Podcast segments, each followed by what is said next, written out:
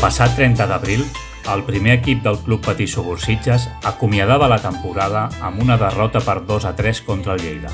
Esportivament, l'any ha quedat marcat pel descens a segona catalana. Ara bé, la imatge que es va viure durant el maig deixa entreveure un futur esperançador pel club. A Pins Vents hi havia un exèrcit de canalla de la base que animava els jugadors del sènior sense deixar de buscar un racó on poder xutar la pilota amb l'estic. Ja ho diuen que a vegades val més donar un pas enrere per fer-ne dos endavant.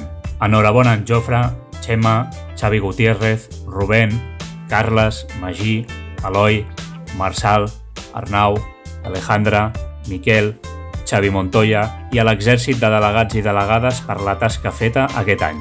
El futur del club es troba en bones mans i segur que més aviat que tard veurem els bons resultats. Ràdio Maricel, 107.8 FM.